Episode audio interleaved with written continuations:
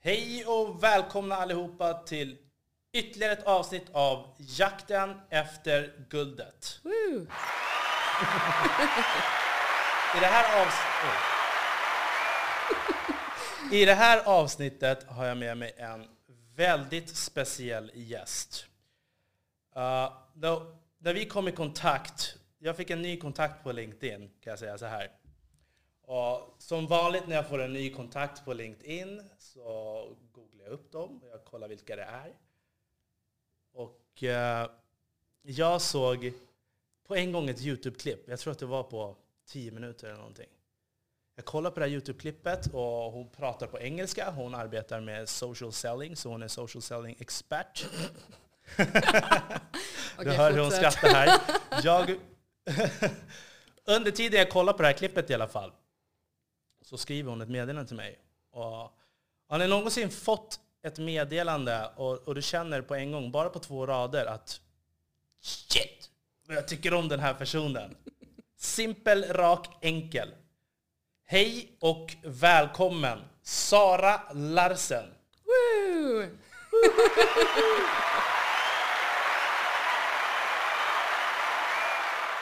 Det var ju så att eh, jag ställde dig några frågor innan. Mm. Om du kunde presentera dig själv. Yes. Men det vill inte jag göra. Det är mycket roligare för andra människors syn på en. Så du kan få presentera mig istället. Din bild av vem du tror att jag är utifrån våra små samtal som vi har haft lite nu. Och YouTube-klipp och grejer. Så Mm. tell me, vem är jag?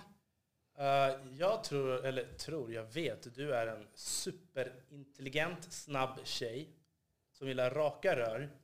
Eh, och jag, har- jag har ju fått, jag har, har ju min uppfattning om, men jag, fan man vågar, jag vågar inte säga. Men shoot, Ja. vad säg? Ja, du är en erfaren rackare som inte har tid med skitsnack. Precis så. Ja, Väldigt bra formulerat. Ingen tid för skitsnack. Och vem har tid för det egentligen? ingen. Nej, Mm. precis så. Kan du berätta lite? Vem är du? Var är du uppvuxen någonstans? Ja men absolut. Ja men eh, djupa skogarna i Småland tog fram mig. och jag flydde därifrån ganska snabbt. Så när jag var 16 så flyttade jag hemifrån. Eh, bodde kvar då i Älmhult som är min hemmastad. Älmhult, Eh, Ikea, Älmhult. Älmhult, Ikea, Älmhult, ja precis. Som jag sommarjobbat på såklart. På lagret. För vem vill sälja korv när man kan köra truck, eller hur? så, så, så när jag var 20 så flyttade jag till Stockholm eh, 2004. Det är länge sedan. Får jag, ursäkta. Ja, nej, Får jag bromsa dig? Ja, kör. Jag vill gärna höra om tiden innan du flyttade. Varför du flyttade. Mm. Och var du har gått i skolan och hela den faderittan. Ah, du vill ha den hela, hela CVn från du vet, 10 till 20. Vi vill Ja. veta vem du är och varför du är den du är och, och så vidare. Eh, Yes, det. Ja men absolut. Nej, men jag växte upp under väldigt eh, speciella förhållanden. Eh, min eh, mamma var i min högst oprofessionella då, eftersom jag inte är läkare, åsikt, eh, odiagnostiserad bipolär. Eh, hon gick aldrig och kollade det, men hon kunde ligga i sängen i veckor i sträck utan att gå upp, utan att laga mat till mig, utan att tvätta mina kläder, utan att vara tillgänglig på något sätt. För hon hade en av sina deppperioder då. Eh, och det här började väl bli mer tydligt för mig när jag var runt 8-9. Eh, när jag började inse att det är inte så här det ser ut i vanliga familjer. Eh, och då hade vi flyttat runt kanske fem, sex gånger från att jag föddes till att jag var åtta. Så när vi landade i Älmhult då, var jag, då började jag i fem, sexan utanför Älmhult. Det var en väldigt liten skola där man hade slått ihop två klasser för det var så få elever. Eh, och då förvärrades min mammas tillstånd tror jag. Så att hon, eller så märk, började jag märka det egentligen. För jag menar när man är barn, man tänker ju inte på det på det sättet. Eftersom vi hade flyttat så mycket så hade inte jag varit hemma hos så mycket kompisar. Så för mig var det ju vardag. Ja men det är klart att man går och lagar mat själv när man är åtta. Det är klart man tvättar sina egna kläder. Det är klart att man vid tillfällen när man är typ tio går till postkontoret och betalar mammas räkningar. Det är väl klart. Mm. Men det är klart att det inte är klart. så ska det ju inte vara. Eh, eller hur man nu ska se det. Det var ju inte riktigt en, en bra uppväxt. Och vi, vi var fattiga. Mamma kämpade med två jobb ibland och sen hade hon inget jobb för att hon inte kom ur sängen och så vidare. Så det var ju en evig kamp med den enda liksom, maten på en dag kunde vara lunchen i skolan.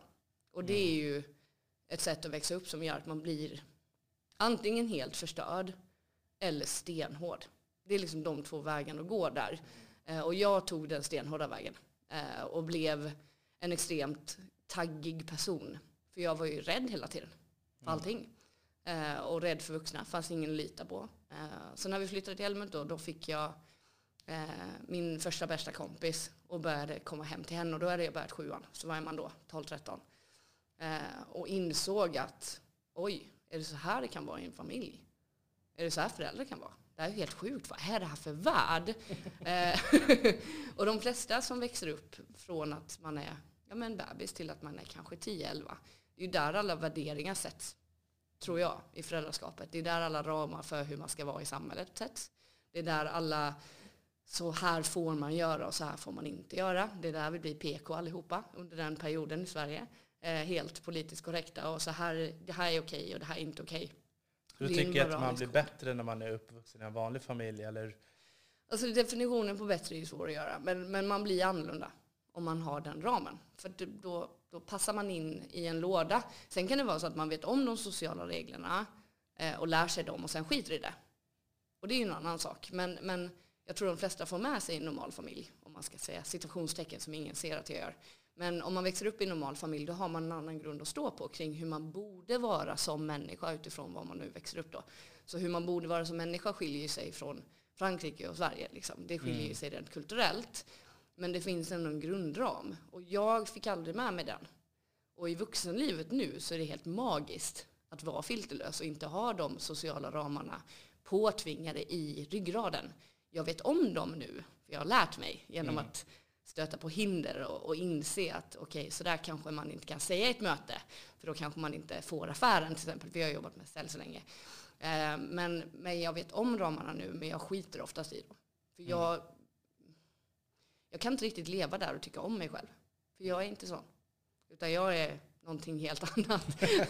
Eh, men i alla fall, så då, då flyttade jag hemifrån ett par år efter det. Så när jag var 16 så flydde jag hemmet. Jag bodde i en tvåa med min mamma då. Vi höll på att klösa ögonen ur varandra. För att det var så mycket konflikter. Eh, och jag kommer ihåg ett tillfälle när hon, jag kom hem och så hade vi någon diskussion.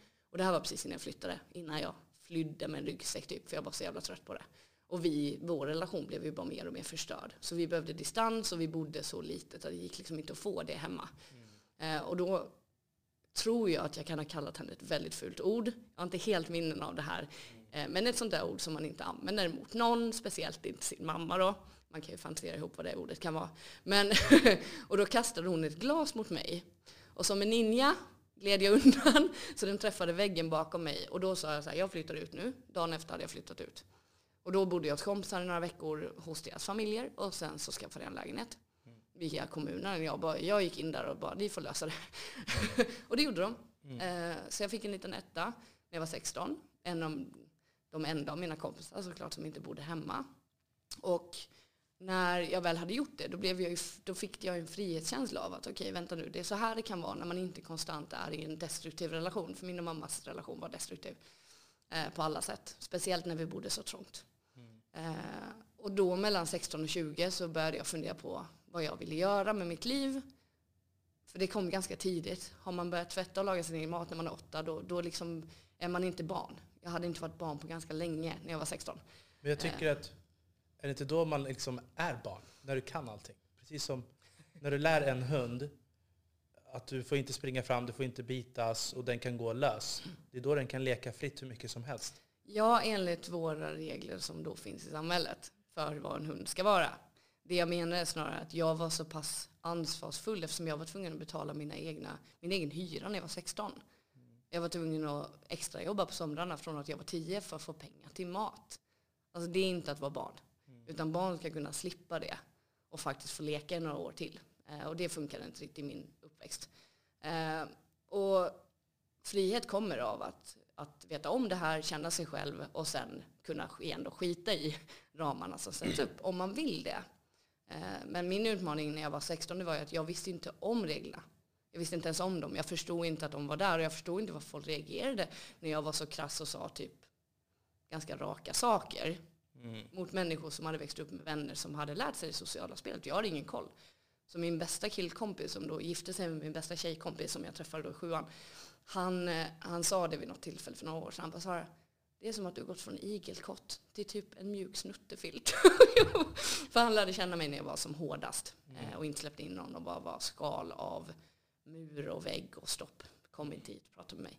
Jag var nog rätt läskig på den tiden tror jag. Eh, lite så här lätt psykopatisk liksom. Eh, eh, och sen så när jag väl hade, och då hade min syster kom hem från USA några år innan det, för hon är min, min äldre syster. Eh, vi är halvsyskon, men hon, är, hon är, fyller 50 år. Och bara några veckor faktiskt. Och du är så och lyssnarna jag är, hör. jag är 35, snart 36. Eh, ja, det brukar ju gå åt det hållet att man blir ett år äldre hela tiden. Dum kommentar. Skitsamma. Eh, nej men i alla fall, så då, då bodde hon, flyttade hon till Stockholm när hon kom hem. Och vi hade ju inte lärt känna varandra. Hon hade varit i USA i tio år. Hon var så mycket äldre än mig så vi hade ingen relation. Eh, och hon är min då halvsyster så hon är min pappas dotter, inte min mammas. Mm. Eh, Så då tog jag en ryggsäck och drog till henne och hälsade på. Och Hon visste inte ens om att jag skulle komma. och jag dyker upp utanför hennes dörr, den här systern hon har inte träffat på väldigt många år och bara tjena jag tänkte crasha här på din soffa medan jag letar efter ett jobb. Och då sa hon, ja men hennes reaktion var så magisk. Hon bara hej vad kul att du är här, du har två veckor på dig. Sen åker du ut. Mm. Fanns ingen curling överhuvudtaget och jag bara oh shit. Jag bara, men jag kommer aldrig kunna lösa det på två veckor. Hon bara, jag tror på dig. Och jag bara, okej. Första personen, vuxna, som hade sagt det till mig, eller visat det på något sätt att hon hade full förtroende för att jag skulle lösa det på två veckor i Stockholm. Mm. Boende och jobb. Mm. Och det här är liksom, ja, nu när jag ser tillbaka på det så var det helt sjukt att jag lyckades lösa det. För jag hade ingen, jag hade jobbat extra och jobbat på somrarna och så här, men jag hade ju ingen, jag hade ingen utbildning. Jag hade, jag hade inte gått på universitet, jag hade ingen examen, jag hade liksom ingenting att bidra med. Förutom någon typ av filterlöshet och jävlar anamma. Eller vad man ska kalla det, du vet när man bara kör. Eh, Men det visste inte min syster om. Hon kände ju inte mig. Så det var en chansning. Hon bara, men är du minsta lik mig så är det lugnt. Och det visade sig att vi var väldigt lika varandra. Eh, Så då hade jag då, då gick jag första dagen i Stockholm och bara, vad fan ska jag göra? Vad ska jag söka för jobb? Så då frågade jag henne, vad tror du jag ska pyssla med? Jag har ingen aning om vad jag vill bli när jag blir stor liksom. Hon bara, sälj. Jag bara, okej. Hon bara, vilket säljjobb som helst. Bara ta ett säljjobb. Det är det bästa du kan göra. För vad du än lär dig där, det kommer du ha med dig in i vilken roll du än tar sen. Så då gick jag in på en sats, eh, ett satsgym på Hötorget. Eh, för min syster jobbade på Enjoy som var en annan träningskedja. Så hon var redan inom friskvårdsbranschen och hon bara, men gå dit och bara be om ett jobb. Och jag bara, alltså jag var så nervös när jag skulle gå in till den här platschefen. Jag hade inte ens bokat en tid. Jag bara glider ju förbi och bara, men jag tänker gå in nu. Skiter i det, nu går jag in. Ska jag be honom om ett jobb eh, som säljare. Så jag går in och får då tid med Mikael Klemen som han hette, min första chef. Och kommer in och säger i princip, du ska anställa mig. Alltså inte så här, kan du anställa mig, utan du ska anställa mig. Han bara, la armarna i kors och bara, ja, han satt på sin stol. Varför det? Jag bara, för att jag kommer tjäna så jävla mycket pengar åt dig. Han bara, okej, kom in och börja imorgon. Alltså det gick på, det var en tio minuters intervju. Han frågade inte ens var jag kom ifrån. Och det var ju, jag kom därifrån och mina knän bara skakade. Jag bara, herregud, gjorde jag precis det där? För jag är en ganska introvert person egentligen och växte upp väldigt blyg. Förutom de som var närmast mig. Eh, så det var en helt ny värld för mig att komma in i det. Eh, Så så började det. Och sen har jag ju jobbat med sälj och marknadsföring nu i, ja det är som sagt 17, nästan 18 år. I Stockholm och sen Norden och sen EMEA. Så att jag har jobbat över hela, över hela Europa med att jobba med sälj och konsulting av olika slag. Det har varit en sjuk resa, sjukt kul. Och min filterlöshet har i princip betalat sig varje gång jag gått in i ett möte. För jag ställer så dumma frågor och jag har inga problem att verka dum. Och jag bara bryr mig om en enda sak och det är kan jag hjälpa den här kunden, företaget, personen. Om jag inte kan det, då säger jag det. Jag är inte rätt match för dig. Eller den här lösningen jag säljer nu, det är inte din lösning. Du ska ha den här här borta istället. Inga problem att förlora en affär. Kommer det en chef som bara du måste ta budget. Ja du, jag gör det i lugn och ro. Och tar inte jag budget den här månaden säljer jag dubbelt så mycket nästa månad. Men bara chill. Så försök inte tvinga mig att dra in affärer som vi inte borde säga ja till. För det är inte okej. Det, är an, det är ansvarslöst att göra så. Så det finns ju en moralkodex i mig även om den är formad av mig själv. Och kan verka konstig för vissa. Men har du jobbat då med lite större kunder då? Eller? Både och. Jag började med simpel business to consumer försäljning på Sats. Jag sålde ju medlemskap. Eh, så det jag har haft många väldigt- kompisar som har sålt. Så Ja, det är skit, det är skitbra. Och det är världens bästa skola och det kräver sånt jävla engagemang att orka. Man behöver ha energi. Man kan, jag skulle inte riktigt orka det tempot nu för en sån enkel försäljning och jag skulle inte bli stimulerad av det heller. Men i alla fall, så då började jag det med det och sen så gick jag över till att sälja mot företag, friskvård, på Sats. Och sen så skaffade jag barn där i mitten någonstans. Och sen efter det, när jag var mammaledig, så kom jag fram till att jag skulle, då skulle jag bli vanlig. Hur gammal, kan du bara berätta innan, hur, gammal, hur gammal var du nu när, när du fick barn och innan, när slutade du på Sats eller vad hände? Alltså jag var där under flera år faktiskt, för jag hade tur. Jag hade en chef som flyttade runt mig till olika center för att vi skulle fixa till cellkulturen. Så vi jobbade på ett center i taget i ett år ungefär. Men jag fick T när jag var 23. Så jag var inte på Sats mer. Jag hade inte varit på Sats mer än tre år då. Eh, och sen så kom jag tillbaka efter mammaledigheten. Och sen jobbade jag ett tag till. Men sen efter det, då kom jag fram till med viss påtryckning från min omgivning eh, gällande vad en mamma är. Hur den personen ska vara. Så. Eh, där bland annat eh, partner och eh, hans familj och så vidare. Och det var nog inte en påtryckning som de utövade egentligen, utan det var nog i mitt eget huvud. Jag hade nog en bild av att eftersom jag inte skulle bli som min mamma, då måste jag bli en jävla bullmamma istället som bara prioriterar sina barn överallt, för annars är jag likadan som min mamma.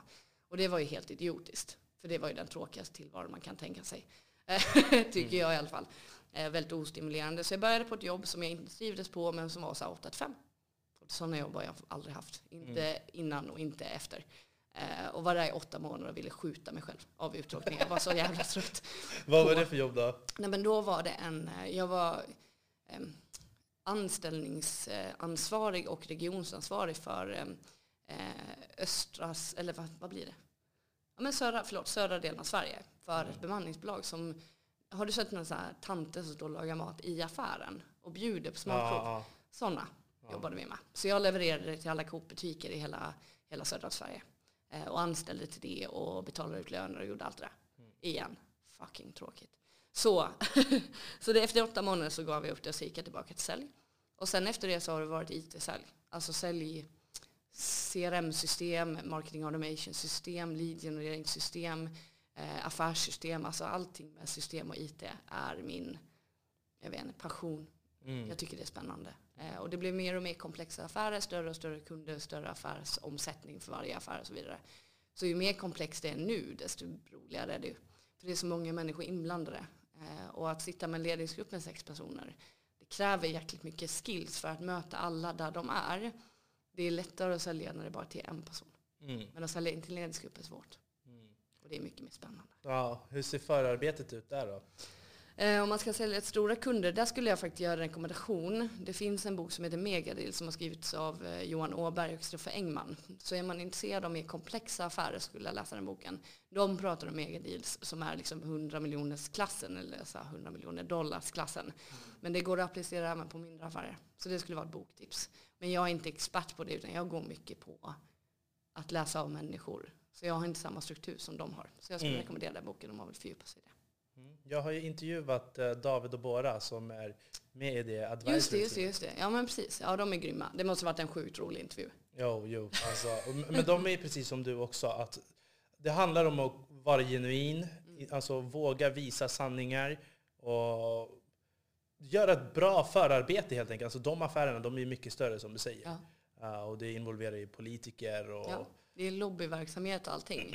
Men även om man sitter och säljer någonting som inte involverar politiker och lobbyarbete och så vidare så är det fortfarande väldigt nyttiga råd i den boken. Och deras strategier för att komma in på bolag är väldigt spännande och intressanta tycker jag. Mm. Det innebär mycket mer utmaning för dig själv att hålla så många människor i en dialog, i ett projekt samtidigt är ju en utmaning generellt. Och det finns ju människor som kommer att sätta käppar i hjulet med mening och så vidare. Och det, psykologin i det är typ det bästa som finns. Alltså det är så jäkla Grym spännande. warfare. Eller hur? Alltså. Ja, verkligen. För, förutom att det egentligen är, man ska ju få kunden att känna, och det är min inställning till kunder, att, att vi går tillsammans. Det här är ju inte ett krig mot dem. Det här är ju ett, alltså ett krig mot att ta sig framåt i processen. Precis. Så det är ju liksom, få med sig alla är svårt. Och det är det som är spännande Mm. på något sätt. Mm. Men vem är du då? För nu har ju inte jag lyssnat på en enda podcast av dig. För jag vill inte ha förutfattade meningar. Men berätta, vem, vem, vem sitter framför mig här och spelar in podcast som jag inte hade eh, lärt känna förrän vi pratade Mm. på Ja, LinkedIn? men jag kan väl säga så här, alltså, som jag hörde i din podd, att man ska göra sin research. Yes, stämmer bra. Nej men det är ingen fara. Grejen är så här, jag har väl också haft en ganska annorlunda uppväxt. Men eh, jag, har, jag har alltid känt mig lyckligt lottad. För att jag har varit fri på ett sätt. Uh, Jag började idrotta när jag var tre år gammal, brottning. Min farsa sa här får du börja brottas. Och, och liksom, ja, men han ville liksom tvinga in mig i alla sporter. Allt från tennis till ballett till alltså allt. Uh, men eh, jag har alltid varit fri så att jag vill träffa nya människor. Jag har alltid varit liksom, sugen på spännande saker. Så jag har aldrig varit plats på, eller fast på ett ställe. Uh, jag gick väldigt mycket på så här, skoldisco när vi var små. Diskon, jag kommer ihåg dem. Uh, Det var ett tag sedan. Ja, ja, det är det. Nej, men jag är uppvuxen i Upplands Väsby. Mm. På ett sätt så är det ganska stort, på ett sätt är det ganska litet. Alltså man kunde ju gått runt på kanske 15-20 diskon. Ja. Så det är ett Och större... med samma människor. Ja, men ändå en blandning. Alltså. Ja. Jo men samma, samma människor på olika diskon. Ja. Att de flyttade sig och gick på flera. Ja, men precis. Alltså, efter ett tag så känner man ju alla och Väsby blev för litet. Så, Det är som LinkedIn. Exakt. En liten ankdamm. Ja, nej men... eh, Så jag började åka in till stan vid- vid 11 års ålder. Vi skulle gå på en Backstreet Boys-konsert. Den kan jag ha varit på. Det- För, för det var när de var här. När På var det? Vattenfestivalen. Ja, ja just det. Jag har varit på den. Då var jag här. Mm. Då- Vänta nu, hur gammal var jag då? 14? Och jag var 11. Ja, men då åkte jag upp till 11, Stockholm ja, själv 11 12 ja. och Ja, var här i flera nätter. Utan boende. ja men det är helt sjukt alltså. Men, eh, så, och sen dess så var liksom Väsby, det var för litet. Och eh, jag började träffa väldigt mycket likasinnade vänner inne i stan. Alla kom från överallt. Ingen fick vara där och, och alla ville bara ha kul. Ja. Och sen dess så bara fortsatte äventyret. Och det här är ju människor som har visat sig vara nu på senare dagar. Alltså det är eliten inom allt. Mm. Allt ifrån politiker till elitidrottare och artister, Det gäller skådespelare. ju att hitta människor som utmanar sig själva. Mm. Och det är ju sånt som är riskbenägenhet. Som du pratar om, det här med att åka in till stan själv och så vidare. Det är ju en riskbenägenhet. Och det är oftast någonting som betalar sig i långa loppet. Mm. Att våga ta risker. Precis. Så det är ju kanske därför då som de här människorna har gått vidare och blivit det de har blivit. För att de Ja, har vågat ta det- risken med olika saker i livet. Sjukt viktigt. Mm, Så verkligen. tacksamhet pratar du om i alla fall, eller att du har känt dig lyckligt lottad. Ja, alltså jag har alltid känt mig lyckligt lottad. Och sen är det så här, man har inte haft...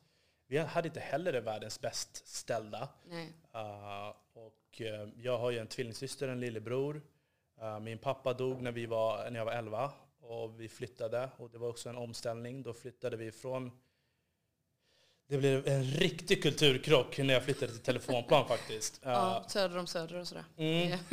För där var det liksom... Jag vet inte hur jag ska förklara. Jag tyckte att folk ljög mycket. Mm. Det var ingen rakhet, ingen ärlighet. Nej.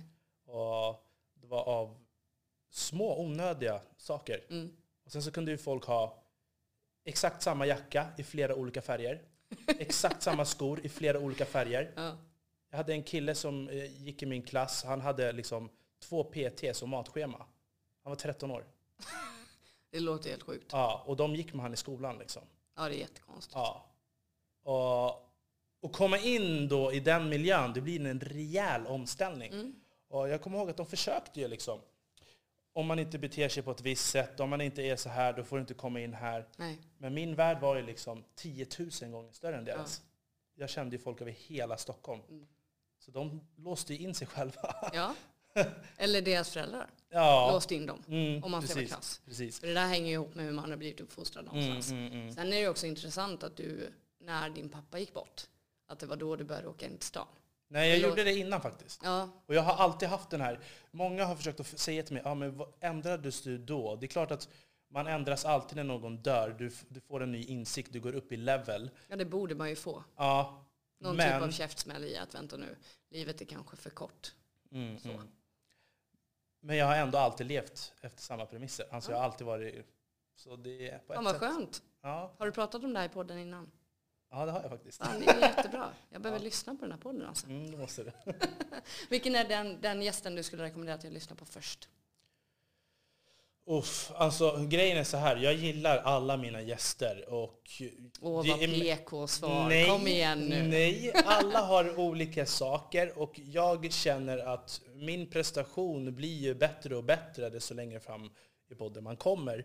Men jag tycker ju om mina tidigare avsnitt också för det är de som gav mig chansen och deras historier är intressanta. Nu måste du ge mig tips, för nu har du bara 15 sekunder kvar innan vi slutar spela in för den här rundan. Ja, just Vilket ja. tips? Tell me. Vi gör så här. Vi tar det i nästa inspelning. Vi tar en kort paus.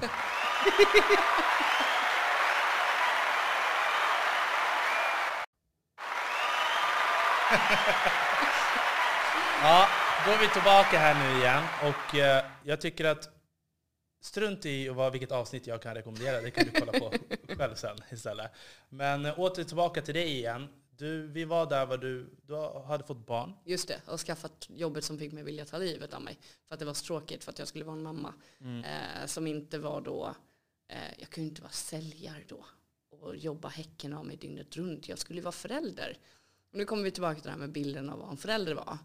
Eh, och när hon började dagis och jag skulle börja jobba, då var det så här, jaha, är hon på dagis till klockan fem? Jag bara, mm, jag jobbar. Hennes pappa jobbar, Simon, han jobbar. Och vi jobbar till fem. crazy. då får hon väl själv kvar på dagis. Jag bara, ja, men min unge som skolades in på en dag. Och jag vet inte vad du har för erfarenhet, men jag kan säga att i de flesta fall så tar det ett par veckor att skola in ett barn. Hon var ett år då.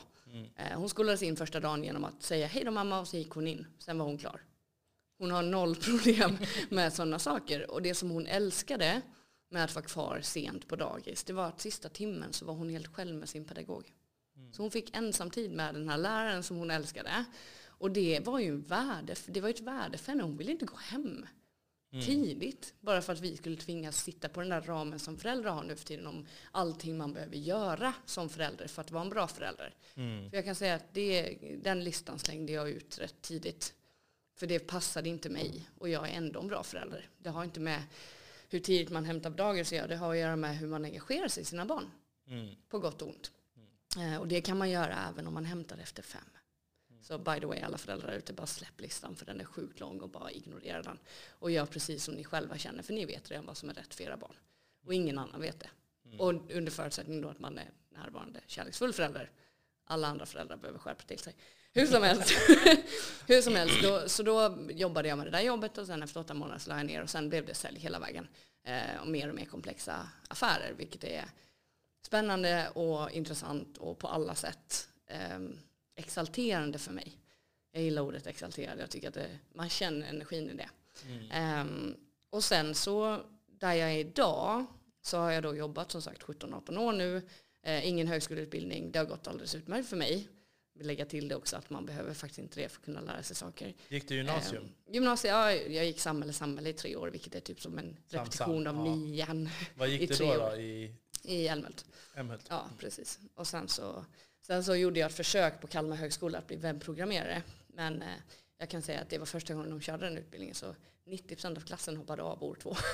Så ingen av oss gick klar typ. För den var så dålig och sen gjorde de inte om den utbildningen en gång till så den var ju ganska den var dålig. Då satt vi i Dreamweaver och hackade kod liksom och försökte lära oss. Men du vet, Dreamweaver, jag kommer ihåg det. Dreamweaver, ja precis. Sjukt roligt. Eh, så jag har ju ett eget sånt intresse vid sidan av. Som en av mina nördigheter tillsammans med massa andra nördigheter. Men, men jag såg framför mig att jag skulle bli någon typ av för det var ju bilden man hade då, någon typ av utvecklare som skulle sitta i en källare med Jolt Cola och sitta och trycka kod. Liksom. Jag bara, jag vill ju vara runt människor, det här kommer inte funka. Sen hade jag fel. För att alla utvecklare som är riktigt grymma är ju ascoola nu. Men det var inte så hippt då. Så. Eh, nej men så, så det, det var väl resan rent jobbmässigt. Sen under tiden som jag eh, har haft de här åren i Stockholm så har jag ju då eh, blivit tillsammans med Theas pappa, skaffat barn med honom, sen liksom separerat med honom. Då var hon fem eh, och sen efter det så hade jag en ny relation eh, med en kille som heter Jonas som jag gifte mig med. Och sen efter ett par år så separerade vi och skilde oss. Eh, och sen så hade jag en relation som tog slut ganska nyligen. Alla relationer har tagit slut på grund av att jag bestämt mig för att jag har tröttnat på något sätt. Eller blivit ostimulerad. Och det är ju också utmaningen med att leva med mig. Att jag är ganska jobbig. Jag hör det. jo men jag är verkligen det. Och det är inte jobbig i form av krav på plocka undan efter dig eller du får inte vara ute med dina killkompisar. Utan jag ger sjukt mycket frihet. Men jag kräver också det tillbaka. Och det är inte alla som är helt bekväma med det. Och sen så vill jag ha psykologiska djupa diskussioner varje dag. Och den är jobbig. ja men eller hur. Man kommer hem trött från jobbet så står jag där bara, ja vad är det mest spännande som har hänt med din hjärna idag? Du vet, tänk dig själv att leva med en sån person. Så nu är jag singel för första gången på väldigt många år. Och bara känner så här, jag ska nog inte utsätta någon till för att bo med mig för det är nog inte så kul. Men det tog några år att fatta det. Eh, så nu så har vi precis flyttat in jag och dottern till Södermalm. Första gången jag bor där. Jag har bott utanför hela tiden. Telefonplan och Midsommarkransen bland annat. Mm. eh, I flera runder. Sen har jag även bott i Täby i ett och ett halvt år. Oh my god, det var det värsta jag varit med om hela mitt liv. Ehm, nej men homogeniteten. Folk är så fruktansvärt homogena där ute eh, i den här skyddade verkstaden som är Täby. Och det är inte en, eh, folk får vara det om de vill. Eh, jag har inga problem med det men jag kan inte leva i en sån miljö. Det går liksom inte. Utan det är, nej, jag, jag trivdes inte där. Mm. Så. Det är inte min scen. Min scen är Södermalm och söder om Söder. Och där har jag bott i princip ända sedan jag flyttade till Stockholm. Eh, på något sätt. Så vilken, vilken arbetsplats tycker du har gett dig mest? Vad är det du har fått lära dig mest? När var det du började bygga liksom på din kunskap som du har idag? Och, Ja men det började ju från Sats. Alltså jag hade sån tur eh, där, för jag hade fantastiska chefer. Mm. Eh, som var villiga att lägga tid på att lära mig eh, etik i affärer. Eh, att lägga tid på att vilja bygga mig. Istället för bara vara den där chefen som bara vill ha en revenue så ville de hjälpa mig att bli bättre. Och när de märkte hur jag tog emot feedback så bara okej, vi kan ju säga vad som helst till henne. Hon kommer ju bara korrigera. Mm. För det var ju mitt sätt att bli bättre och bevisa för mig själv att jag inte skulle landa i en situation som min familj hade. Att jag aldrig skulle behöva vara orolig för att tjäna pengar nog att mata te. Det är liksom så här basic saker. När, jag finns, när jag fick henne så blev det ännu mer så. Alltså då blev det ännu mer så här, jag, jag ska se till att jag inte behöver oroa mig för sånt. Hon ska aldrig vara hungrig. Mm. För det var jag. Och det är inte okej. Eh, sen efter det så har ju, alltså pengar blir ju mindre och mindre viktigt för mig ju äldre jag blir. Framförallt därför att det är aldrig ett problem att tjäna pengar. Och då försvinner liksom hetsen. För jag har inte behov av så mycket. Jag har inte någon fancy car och inga dyra klockor. Jag har inte sådana saker för jag bryr mig inte om det. Däremot så har jag teknik så det smäller om det. Men det är en annan sak. Och det är också dyrt. Mm. Eh, Men så länge som jag ursäkta, så länge som jag slipper vara orolig för min ekonomi. Jag är ju själv ensamstående nu.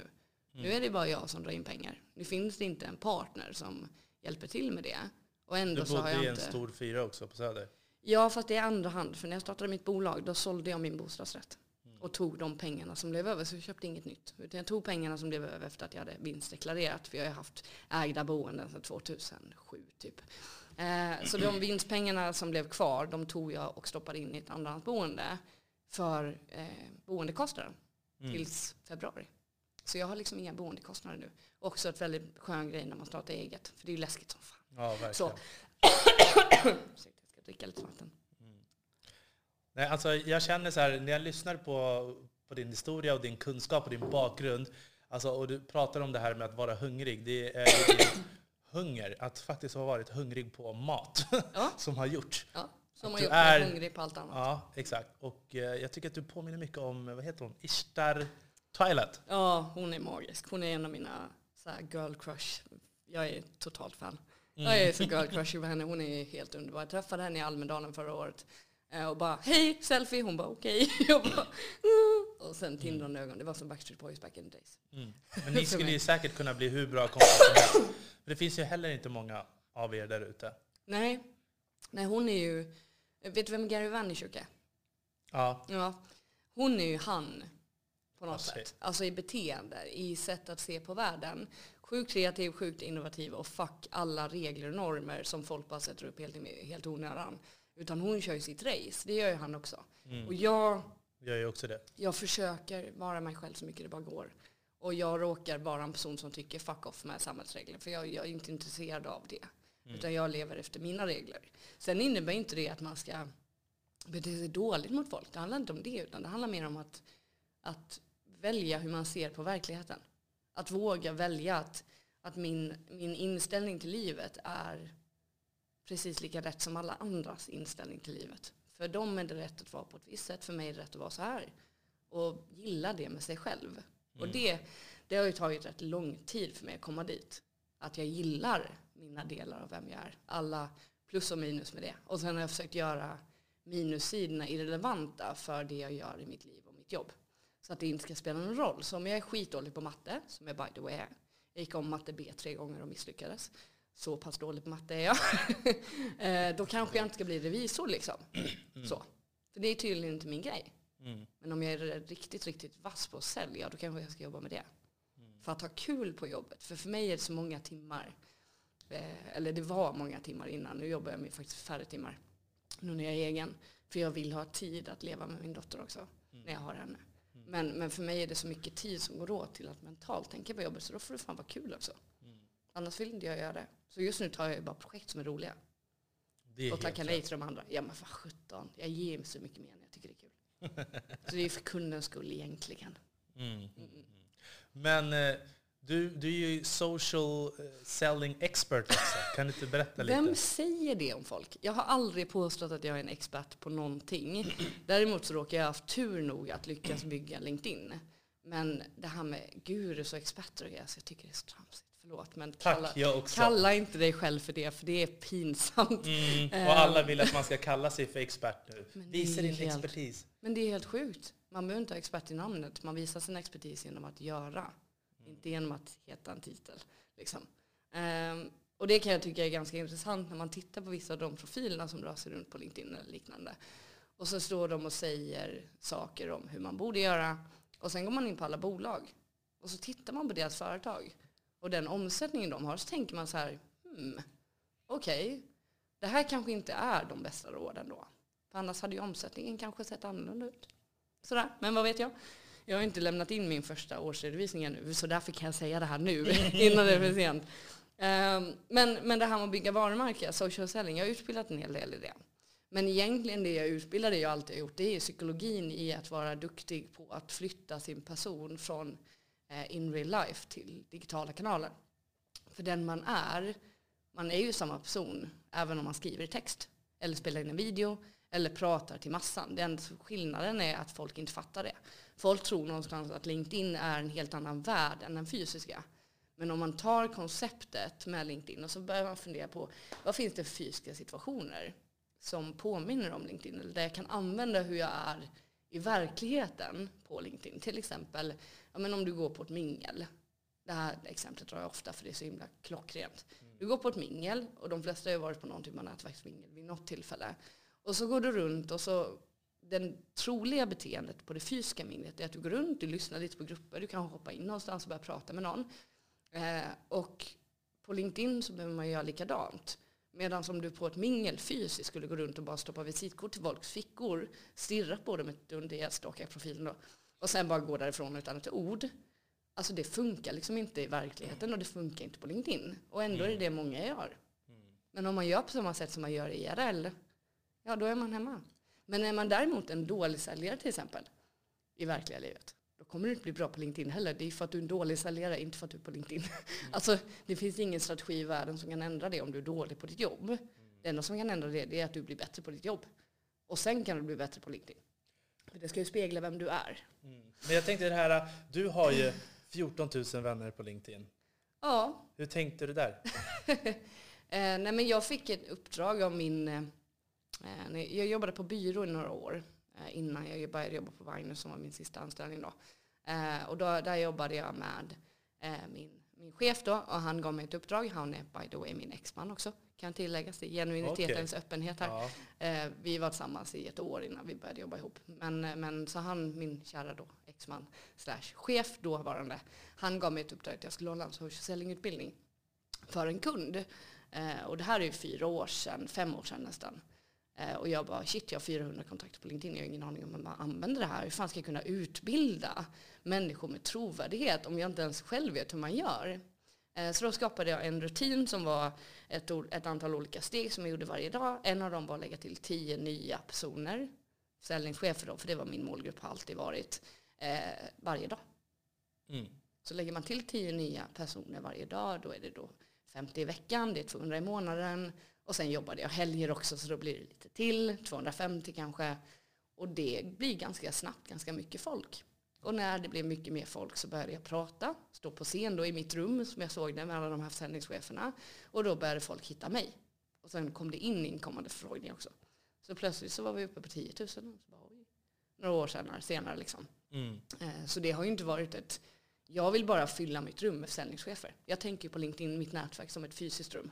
Ja. Där jag är någon typ av bouncer utanför ska dra in folk till mitt rum som är av rätt kvalitet och rätt typ av människa, rätt roll, rätt intressen för att jag ska vara intressant när jag sen stiger upp på scenen i det rummet och börjar prata om mitt budskap. Så det är, väl, det är väl typ en effekt av det som har gjort att jag har 14 000. Men jag pratar med alla. Som när du connectade med mig. Ja, jag pratar med alla. Jag har alltid en initial dialog. Det är inte alla som jag fortsätter prata med. Men jag säger alltid hej, vad kan jag hjälpa till med? Eh, och på vilket sätt kan jag utveckla dig? Hur kan jag hjälpa till i att du ska bli bättre? För jag antar att du connectar med mig för att du vill det. Mm. Och vissa leder till långa samtal. Skrev till och med en artikel om ett långt samtal jag hade med ny kontakt för tre veckor sedan. Som jag gjorde till en artikel. Därför att vi hade, jag låg i sängen vid elva på kvällen. Så låg vi och skrev. Och han verkade sjukt intressant så jag ställde massa frågor och gick på. Och sen så hade jag en artikel av det. För att jag ville visa hur lätt det är att prata med människor och nå beslutsfattare om man bara väljer det här mediet där de, de ligger i sängen ju. Klockan 11 på kvällen och har ingenting att göra. Barnen har somnat, de har tittat på sin Netflix-serie och har lagt sig. Och inte riktigt kommit till ro ännu. Ja, men då åker mobilen upp med LinkedIn. Så jag har ju bokat mycket möten vid den tiden på kvällen. För att folk ligger och liksom, ja men just det, ja, men det skulle vi kunna göra. Ja, men exakt. Det är ju mellan 10 och 11 som alla liksom är aktiva och Jag skriver vet. till den på LinkedIn. Och det är ju för att man är i sängen eller i soffan och är lite uttråkad och inte redo att sova. Och då åker LinkedIn-appen upp. Liksinnade också. Väldigt enkelt så ja. Jo, ofta sitter, jag sitter och jobbar då ofta. Men eh, ja, nej men så, så är det. Så det har väl som sagt varit en effekt av det. Men när jag då skulle utbilda i det här, då hade jag ju byggt ett nätverk, för det var några månader efter. Han hade bett mig att nu är det dags för det. Så då hade jag ju fått lite tid på mig. Det tog tre veckor av att göra min rutin innan jag fick en inkommande. Vi skulle vilja att du kom hit och presenterar vad ni gör. Ett inkommande. Mm. Jag bara, vänta nu, funkar det här? Det här är helt sjukt. Alltså jag kommer ju från gamla skolan, jag har suttit kallringt Mm. i typ så här tio år. Så hela idén om att LinkedIn skulle bli en mötesbokning som sker av att kunden vill det. Alltså jag var helt chockad över att det funkade. så, så det jag gjorde på utbildningen var att jag lärde ut rutinen. Mm. Och bara testa det här. Det här är bevis för att det funkar. Här är lite print screens på mötesförfrågningar jag har fått. Och då hade jag fått in flera stycken. Men första, liksom, det stod som sagt tre veckor. Av att få in, du vet, att någon vill ha möte med mig. Och jag var säljare då. så jag bara, var, jag är helt chockad. Alltså jag tänker, du och din mamma måste ha haft ett sånt sjukt stimulerande förhållande. Ja, ja, helt klart. Eh, definitivt väldigt stimulerande när det gällde både psykologi och försäljning och marknad. Och, nej, det var sjukt kul. Mm. Det var sjukt roliga år. Vi jobbade tillsammans ett tag efter vi hade separerat också. Så det var inga hard feelings där utan det var ganska överenskommet tillsammans. Så därför gick det att jobba ett tag till. Business. Ja, Alltså, business. Ja.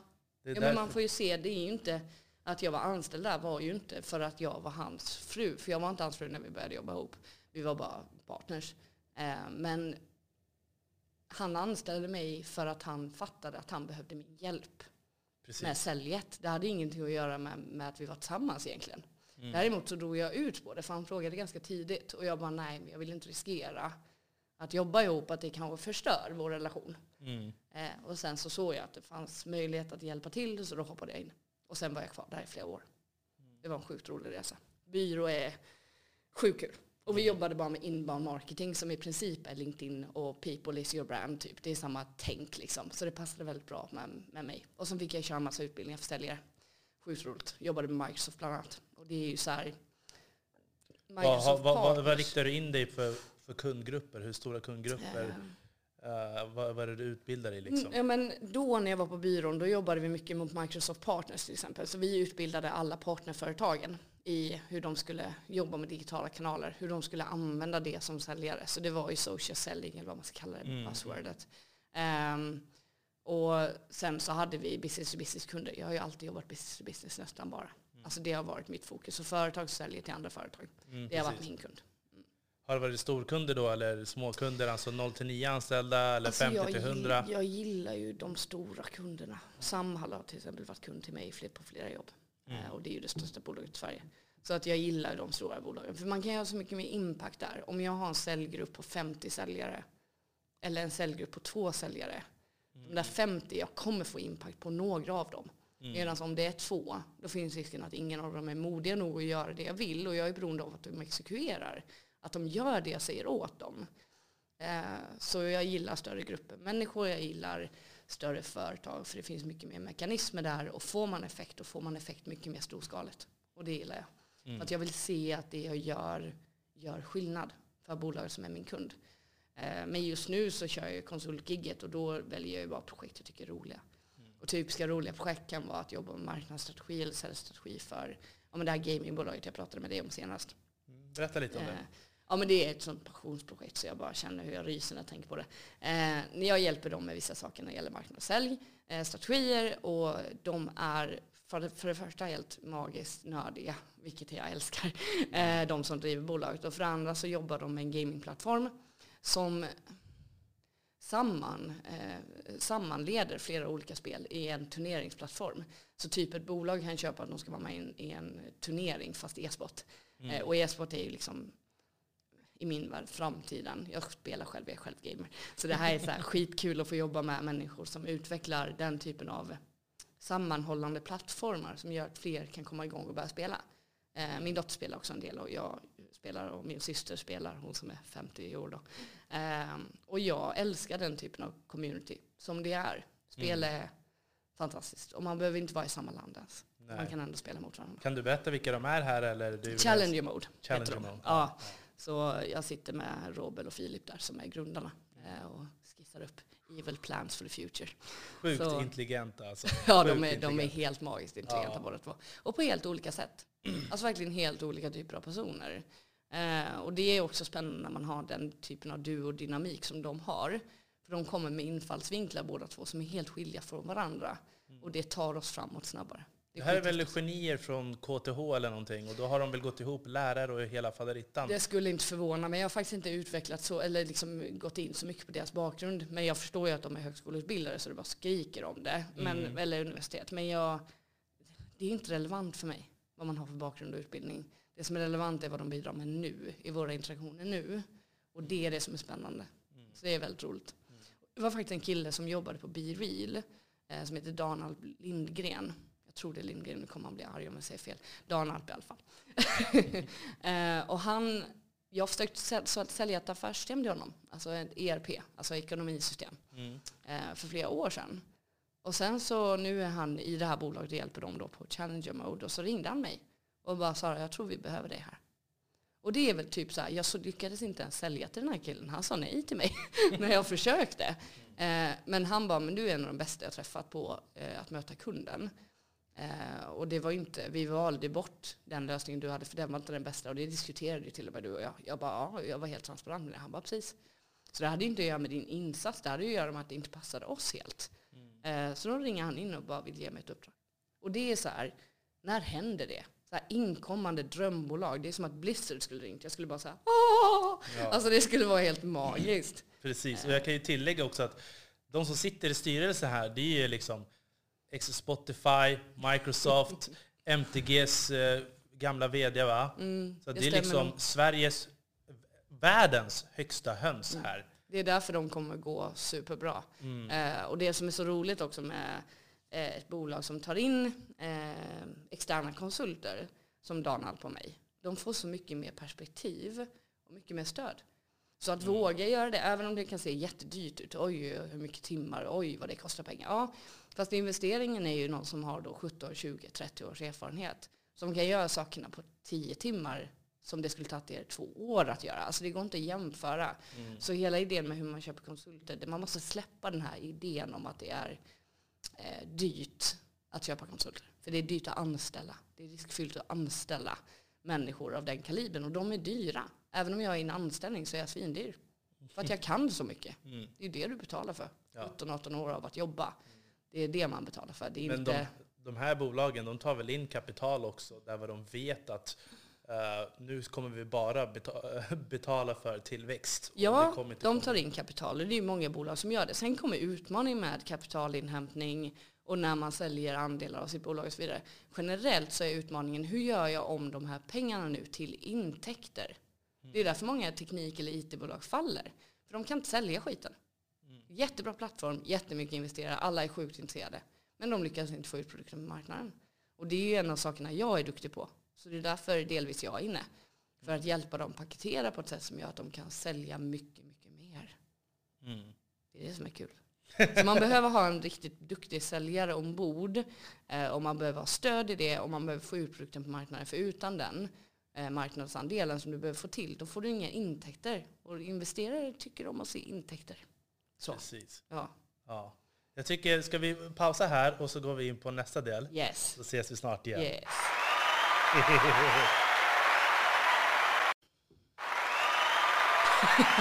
De där applåderna är helt magiska varje gång. Eller hur? Man blir så glad, man blir pepp ju. Oj, vad hände här? Åh! Snyggt. Ja. Uh, nej, men jag tänkte fråga dig en annan fråga eh, kring branding. Vad är det man behöver, bör tänka på när man ska bygga ett varumärke och skapa den här kulturen kring varumärket som gör att man har sina lojala följare och så vidare? Det där är ju en väldigt intressant, ganska bred fråga. Men om man bryter ner det, för det är egentligen två delar. Vi har ett företags varumärke, eller branding runt ett företag. Och sen kan det också finnas branding runt en produkt. Och den tredje är ju runt en person. Eh, och det som många som lyssnar på den här typen av poddar tror jag är ute efter, det är personal branding. Alltså hur skapar jag en profil runt mig själv som får människor att ge mig jobberbjudanden, som får människor att vilja jobba med mig, kanske starta bolag med mig, som får människor att vilja köpa mig, som får människor att vilja boka möten med mig så att jag slipper jaga dem och så vidare. Eh, Och som får människor kanske då att vilja jobba för mig i mitt bolag och så vidare. Det finns så många olika varför Mm. och vad man vill uppnå. Och det är ju det första steget. Okej, men om du ska jobba med personal branding, varför vill du göra det? Det är den enklaste första frågan. Vad är ditt syfte? Attrahera människor, attrahera kollegor. Jag vill attrahera vänner och kollegor, samarbetspartners. Mm. Så du vill egentligen bredda ditt nätverk med intelligenta människor Ja, som sen på ett eller annat sätt kan eh, hjälpa dig eller du kan hjälpa dem. precis. Ja, ja, men det är logiskt. Och det, de flesta svarar inte så. Utan de flesta svarar så här. Nej, men jag vill eh, sälja mer. Eller jag vill eh, eh, ha visitkort på hög för att det är kul att samla visitkort och det får man poäng för. Eller vad det nu är de egentligen menar när de säger Mm. ja, men jag vill vara stor på LinkedIn. Till exempel. Eh, och för mig så har, visserligen så kickade det igång med den där frågan om att köra utbildningar som gjorde att jag var tvungen. Och mitt syfte då var ju att utbilda säljare. Så då var mitt syfte att ja, men jag måste ju lära mig hur jag får LinkedIn att funka som en conversation starter. Alltså hur får jag den här kanalen att bli första kontakten för en potentiellt möte. Som de ska be mig om. Inte jag ska be dem, utan de ska be mig att om jag snälla kan komma och köra ett säljmöte hos dem. Det är min ambition med mina kontakter på LinkedIn. Mm. Men allt eftersom jag började jobba med LinkedIn mer så insåg jag att det så, och det, det här handlar om vad jag drivs av. Det måste man också fråga sig själv. Okej, vad drivs jag av? Vad ger mig fulfillment in life? Vad, vad mår jag bra av? Vad behöver jag? Och nu kommer vi in på så här psykologiskt känna sig själv babbel. Men det är verkligen i grunden det som har fått mig att lyckas. För jag började fundera på, eh, jag visste vem jag var. Alltså i grunden, för jag har ju gjort rätt mycket självreflektion, gått mycket i terapi, jag har jobbat med mig själv hur mycket som helst. Eh, Så jag hade ganska bra koll på liksom min värdegrund. Och då var det ganska lätt att, att konversera den eller översätta den till LinkedIn. För jag ser på LinkedIn som ett fysiskt forum som bara råkar vara digitalt. Det är liksom bara en kanal som råkar vara online. Medan min interaktion med människor fysiskt går ju jättebra. Så då borde det ju kunna funka superbra på LinkedIn också. Så då var det så, okej men vem är jag? Vad vill jag att folk ska uppfatta om mig? Och sen bara skriva ner några ord. Okej, det här är vad jag vill lämna efter mig när folk får en kontakt med mig på LinkedIn. Hur ska de känna när vi har pratat en stund? Vad är liksom avtrycket jag vill lämna? Och när man har skrivit ner de sakerna då blir det mycket lättare för en att förstå hur man ska hantera olika situationer som dyker upp på LinkedIn. För jag utbildar ju inte i funktion längre. För det finns YouTube-videos för funktion. Så vill du ta reda på hur LinkedIn funkar rent funktionsmässigt, vilka knappar man ska trycka på och så vidare. Ja men googla det. Det är ju inte det människor behöver hjälp med. Det människor behöver hjälp med som ska bygga personligt varumärke det är att de behöver bli jävligt mycket modigare. Och våga testa saker. Och våga vara sig själva. Eh, och det Handlar det bara träning. om på LinkedIn eller, Nej men alltså, jag, eftersom jag har jobbat mycket business to business så har ju de flesta av de målgrupperna mina kunder har haft har ju varit på LinkedIn. Mm. Men det här handlar ju snarare om att bygga en, eh, en tribe runt sig själv. Och det här är ju ett begrepp som eh, de pratade om på Sales Conference för ett par år sedan, den här stora säljkonferensen i Sverige. Som anordnas av ProSale, som du känner till den. Henrik Claesson Broman och dem. Eh, och Andreas Albin och så vidare som inte är kvar längre men som var där då. Ehm, och en tribe är ju människor som känner sig connectade med dig på något sätt. Alltså jag har ju haft situationer, för jag har så många i mitt nätverk, så även om jag pratar med alla, för det gör jag i början av en kontakt och ställer frågor och vissa fördjupar jag mig med och vissa inte just då och så kommer det senare eller inte alls.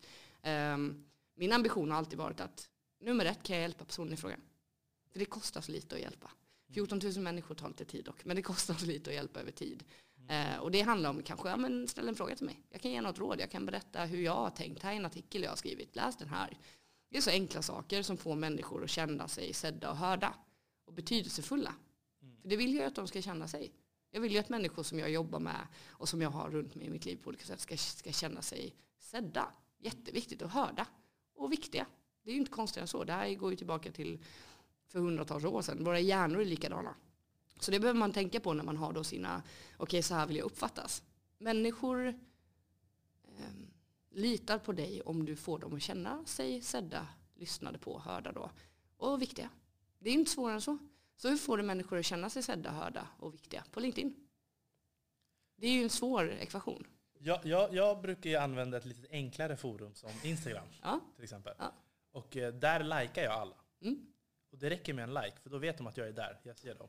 Ja, det och sen är en ibland sak. kan jag göra en kommentar. Jag tror att det som många människor inte förstår, även när det gäller Instagram, Facebook och så vidare, annars Snapchat, alla sociala kanaler, det är att alla våra nätverk nu, alla våra sociala kanaler, de är byggda för interaktion och dialog. Det är alltså inte till för, egentligen inte ens Instagram. Instagram, företag som jobbar på Instagram som är duktiga, de har DM, alltså direktmeddelanden, som är igång med massa kunder. De pratar med dem.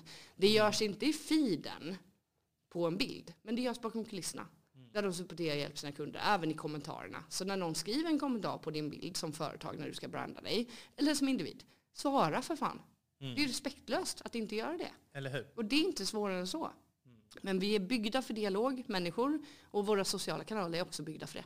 Så driver man dialog, då funkar det i alla kanaler. Om man har en dialog som är vettig och som är bra. Alltså om du är bra, mm. så blir det bra eh, om du vågar föra dialog. Jag har ju liksom delningar på LinkedIn som har så här 40 000 visningar och massor med kommentarer för folk pratar för att jag svarar och uppmuntrar till en dialog. Eh, och sen har jag jättemycket konversationer som pågår hela tiden bakom kulisserna på, alltså i LinkedIn mailkorgen. Mm. Eh, därför att det är där mina, mina köpare är, säljchefer. Eller snarare så här, de jag tycker om att prata med. För det är säljchefer. Mm. Jag gillar att prata med dem. Jag har svårare att prata med marknadschefer. Därför att de är så jäkla fluffiga. Svårare att prata med HR-chefer för de är också fluffiga. I jämförelse med mig så är de det. De är inte fluffiga som människor men i jämförelse med mig som är sten så blir det liksom bara en krock. Medan andra försäljningschefer är sjukt roliga att prata med för de är raka och tydliga. Och jag har som sagt ingen tid för bullshit. Så jag, jag vill liksom bara gå rakt på sak utan att någon blir, du vet, förolämpad känslomässigt. Alltså det blir så här, mm. och jag låter jättearrogant när jag säger det, men det handlar mer om att jag trivs med den dialogen och då är det den jag ska söka. Så där kommer nästa frågeställning som du behöver ställa dig själv och du ska börja branda dig själv. Vilka gillar jag att prata med? Och då, då måste man tänka, inte bara just nu i den här rollen jag har nu, som man är säljare. Och så säljer man affärssystem. Och sen så gillar du egentligen inte att prata med CFO, ekonomichefer. Då ska du inte sälja affärssystem. För det är bara de enda du kommer dela med. Det är inget kul. Så fundera på vilka vill jag prata med? Om vad vill jag prata? Vilka tycker jag är kul att prata med? För det är din målgrupp. Det är så du ska bygga ditt rum för att sen kunna gå upp och prata om intressanta saker som intresserar både dig och dem. Jag tänker så här, skillnaden är om jag ska bygga personligt varumärke mm. för att sen bygga ett företagsvarumärke. Ja, runt det som är det jag har skapat då. Precis. Så att det är ju två olika. Då, kan man ju heller, då måste man också hålla sig inom vissa ramar. Sen är det också så här, och det här är egentligen som jag ser på framtiden, är ändå trendspaning. Väldigt många företag förstår inte att, och nu ska jag ta det här på engelska för jag myntade det här mm. i en mm. engelsk podd så jag måste så använda engelska för engelska är mycket Kör bättre engelska, jag tycker det är nice också. Ja. Eh, det, det är nice också, ja. nice, ja det var. Uh, nej men för det, det jag pratar om där, och den kom rätt naturligt, och det förklarar en hel del på hur jag ser det. Så jag tänker att jag kör den nu. Så det jag sa då var your company brand is not your company name anymore, it's your people. Mm. Alltså det är dina anställda som är ditt företags varumärke. Alla de kanalerna ut via dina anställda. Så hela idén, jag, skulle till exempel, jag lägger till exempel ingen tid på mitt LinkedIn, alltså min LinkedIn företagssida för Break the Box som är mitt bolag. Mm. Helt ointressant. Varför skulle man ha en sån sida ens? Jag börjar ifrågasätta hela idén. Jag börjar också ifrågasätta idén med att ha, det är klart att man kan ha ett företags Instagram om det är den typen av produkter man jobbar med. Som till exempel man säljer airpods. Liksom. Ja, det är vettigt att ha det för det blir spridning, man kan jobba med reklam. Men människorna som jobbar på det bolaget, säg att de är 50 personer. Då har du plötsligt 50 kanaler ut till potentiella kunder, inte bara en. Så varför inte använda dem mycket mer? Och det gäller ju Instagram och Facebook. Vilken, vilken kanal som helst. Använd dina människor. Så behöver du inte ha en företagsvarumärke som handlar, utan de är det. För din kultur i ditt företag, de regelsättningar och moraliska och etiska grunder ni står på. Du anställer ju människor som ska leva bra i den kulturen. Alltså är de er kultur, de är ert varumärke. Mm. Så sluta lägga så mycket fokus på att nu ska vi bygga ett, ett company brand. Utan bygg, jag menar herregud det är samma sak som om man tittar på eh, Coca-Cola. De har bara använt kändisar som flaggor för deras varumärken. Mm. Därför att de når alla då. Alla deras följare, eller hur? Så det är samma sak med influencers. Om man använder influencers som representerar ens varumärkeskultur, då blir det jävligt bra. När man använder Insta, eh, Insta influencers till exempel som inte representerar kulturen, då blir det så uppenbart att det är köpt. Mm. Men om du hittar människorna som verkligen, jag, jag till exempel, skulle, typ en dröminfluencer för mig skulle vara Gary Vaynerchuk. Alltså för han är, så, han är som jävla gud. Helt underbar, han skiter fullständigt i vad folk tycker om honom. Han har alltid kört sitt eget race. Och han, han, han bryr sig inte ett skvatt. Folk får ha sina åsikter. Jag har inga problem med att du har en annan åsikt. Men jag bryr mig inte om den. Du vet, det är verkligen så här. Och det, och det låter så kanske arrogant. Och det är väldigt många människor, han har sagt det själv, det är väldigt många människor som inte gillar mig. Och det som är modigt då det är att säga I don't give a shit att du inte gillar mig. För du behöver inte gilla mig. För de här andra hundra personerna gillar mig alldeles utmärkt. Man kan inte gå hem hos alla. Alla kommer inte att gilla dig. Så hitta din ram. Jag håller helt med. Alltså hela den här beskrivningen av eh, hur du bygger personligt, eller hur du bygger ett varumärke. Vi lärde oss, inte den hårda vägen, för vi kom på det här ganska tidigt i Game Nutrition. Eh, att vi var tvungna att använda oss själva för att nå ut och liksom visa vår livsstil, visa vad vi stod för och det roliga var när man började märka våra konkurrenter, när de började kopiera oss. Alltså, då vinner man ju. Ja, då vinner man ju. Då blir man så här, yes, jag gör alltså någonting som folk känner still with pride. Skitbra. Det är också en intressant diskussion det här med konkurrenter. För att väldigt mycket av, av sociala kanaler, det, väldigt mycket av min framgång, det har att göra med att jag delar extremt mycket av min kunskap. Jag skriver artiklar på LinkedIn, jag spelar in videos, jag ger bort min kunskap hela tiden. Och jag svarar också på alla möjliga frågor. Jag har ju haft konkurrenter när jag var på byrå, även när jag, ja, men, som när jag var på, på bolag som jag var på innan jag startade eget. Jag har haft konkurrenter till det här bolaget som har hört av sig till mig och bara, ja men jag undrar det här och det här. Inte om vårt, inte bolaget jag var anställd på, utan om kunskap. Till exempel, ja men jag tänkte jag skulle börja bygga personligt varumärke, alltså bli ett hot mot bolaget jag var på, eller hur? Jag tänkte jag skulle börja bygga eh, personligt varumärke. Vad är dina tre bästa tips? Och jag bara, här är en artikel, här kan du göra, tänk så här. Därför att konkurrerande företag driver marknadsmognad framåt tillsammans. Plus att de kommer, om du är rädd för dem, då missar du någonting i din egen produkt eller tjänst. Precis. Så det, det handlar mer om att ja, men, det andra bolaget, ja men de har en konkurrerande produkt. Ja men ännu mer anledning då, för att jag menar när de step it up, då måste vi step it up. Så jag ser det som, det är fan vad roligt. Ja, det är askul. Alltså det är då kriget börjar. ja, och, och om, man liksom... inte, om man inte har motståndare som är lika duktig som en själv, det blir inget kul. Man måste ju utmana sig själv. Ja, nej, alltså vi, vi fick så sjuk sjukt mycket bekräftelse. Alltså ja. Dels ifrån, nu snackar vi om Nocco, ja. Tyngre.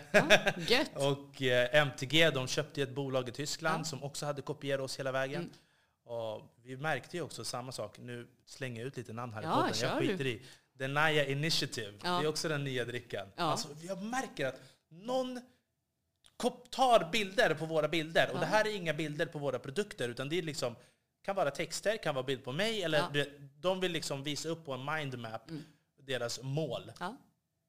Och så bara, när som helst kommer det komma fram ett företag. När som helst, ja. när som helst. Bara månad efter månad. Men det är också det, det som är intressant. Nice som helst, för det jag. driver ju också vår kunskapsutveckling. För, för mig, som jag sa innan, nu var det långt tillbaka i vår diskussion, men jag sa det att för mig blev LinkedIn ett ställe för att samla in kunskap och lära mig. Mm. Och det var någonting som ganska snabbt tog över. Det är också en av anledningarna till att jag lyckas så bra på LinkedIn. Därför att jag jobbar med en, en tankegång som Kristoffer Engman myntade som kallas inclusive marketing. Där man lär sig av andra och sen delar med sig av det de har lärt, då, lärt mig och sen ger dem cred. Det finns så mycket människor. Jag skulle lätt kunna lägga upp en, en delning av en konkurrerande, konkurrerande konsultverksamhetsperson och lägga ut deras artikel och bara alltså fan när man har det här, när man spelar på den här ligan med de här konkurrenterna, för fan vad livet är bra. Mm. Och dela och ge dem cred. Ja, vi likade varenda bild, ja, alla ja. deras grejer. vi ja. följde alla. Och nu kommer vi till mellanmjölken.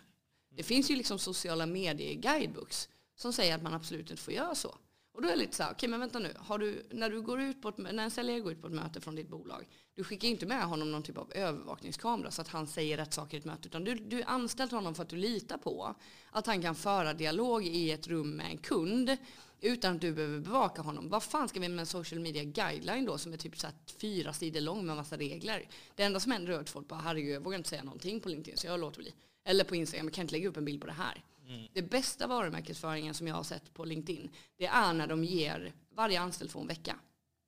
De får en vecka, här är våra sociala mediekonton. Go crazy, visa vem du är.